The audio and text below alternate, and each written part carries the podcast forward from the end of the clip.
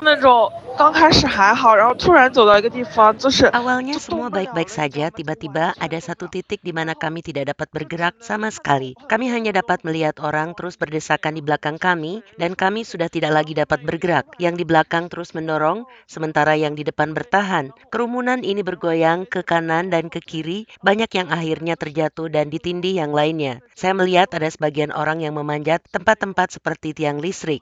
Saya sendiri naik ke dua box botol bir dan kemudian ikut memanjat tiang listrik di mana orang-orang berada. Kalau tidak, saya pasti ikut tewas. Itulah pengakuan Jiang, salah seorang mahasiswa Tiongkok yang sedang belajar di Korea Selatan. Ia selamat dalam insiden saling dorong yang berujung terinjak-injak di kawasan hiburan terkenal di Itaewon, Seoul, Korea Selatan Sabtu malam lalu. Banyak orang mengira saling dorong dan terinjak-injak adalah penyebab utama kematian dalam insiden semacam itu. Padahal kenyataan menunjukkan bahwa kebanyakan orang meninggal dalam kerumunan karena mati lemas akibat tidak dapat bernafas. Apa yang tidak dapat dilihat oleh mata telanjang adalah daya yang begitu kuat sehingga dapat membengkokkan baja. Ini berarti sesuatu yang sederhana seperti menarik nafas menjadi tidak mungkin. Orang-orang tewas dalam posisi berdiri dan jatuh di atas tubuh orang lain yang justru semakin memberi tekanan sedemikian rupa, sehingga bernafas menjadi sesuatu yang mustahil dilakukan. Setelah insiden dorong-dorongan dan terinjak-injak di Astro World di Houston November 2021, seorang profesor tamu yang menekuni studi kerumunan massa di Universitas Suffolk, Inggris, Kit Steele mengatakan, ketika orang-orang berjuang keras untuk berdiri, untuk bangkit, tangan dan kaki mereka terpelintir. Pasokan darah ke otak mulai berkurang. Dan dalam waktu 30 detik, orang kehilangan kesadaran dan 6 menit kemudian orang mengalami asfiksia restriktif atau komprehensif. Ini umumnya penyebab kematian dalam insiden kerumunan massa seperti ini, bukan karena terinjak-injak, tapi karena mati lemas.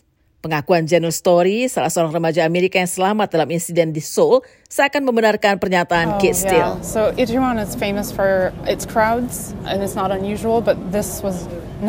Itaewon memang terkenal dan biasanya ramai didatangi pengunjung. Ini bukan sesuatu yang tidak normal, tetapi apa yang kami alami ini benar-benar di tahap yang tidak biasa. Kerumunan orang itu sudah tidak lagi sehat, saling berhimpitan dan membuat kami terjepit dari depan dan belakang. Kita tidak bisa keluar dan hanya mengikuti arus hingga di titik di mana kami kehabisan napas. Dada terasa berat dan akhirnya tidak merasakan apa pun lagi. Yang sempat saya ingat hanya suara-suara putus asa, ketakutan dan kemudian sepi. Janel jatuh pingsan, tapi ia berhasil diselamatkan petugas penyelamat. Sebuah laporan khusus hasil penyelidikan terhadap insiden kerumunan massa di Stadion Sepak Bola Hillsborough di Sheffield, Inggris tahun 1998 yang menewaskan lebih dari 100 fans Liverpool mengutip keterangan para penyintas yang merasa mereka tertekan, tidak dapat bergerak, kepala terkunci di antara lengan dan bahu, nafas yang terengah-engah, dan rasa panik. Mereka sadar bahwa orang-orang sekitar mereka sekarat dan mereka sendiri tidak berdaya menyelamatkan diri, tambah laporan itu. Jika ditanya faktor pemicunya, ada banyak faktor.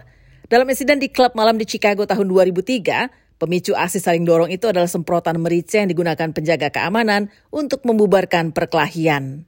Sementara dalam insiden di Stadion Kanjuruhan Malang, Indonesia, penyebabnya adalah tembakan gas air mata polisi ke arah kerumunan massa yang ingin menyerbu stadion karena tim sepak bolanya kalah di kandang sendiri.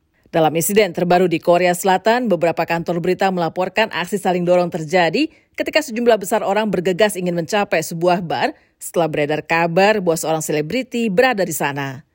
Tetapi Kit Steele, pakar Inggris yang telah menjadi saksi ahli di pengadilan dalam banyak kasus yang melibatkan kerumunan massa mengatakan, ada variasi contoh sejak zaman dulu ketika seseorang meneriakkan kata api di bioskop yang ramai. Sementara zaman ini ujarnya kalimat dia punya pistol bisa menimbulkan kepanikan di tengah kerumunan massa.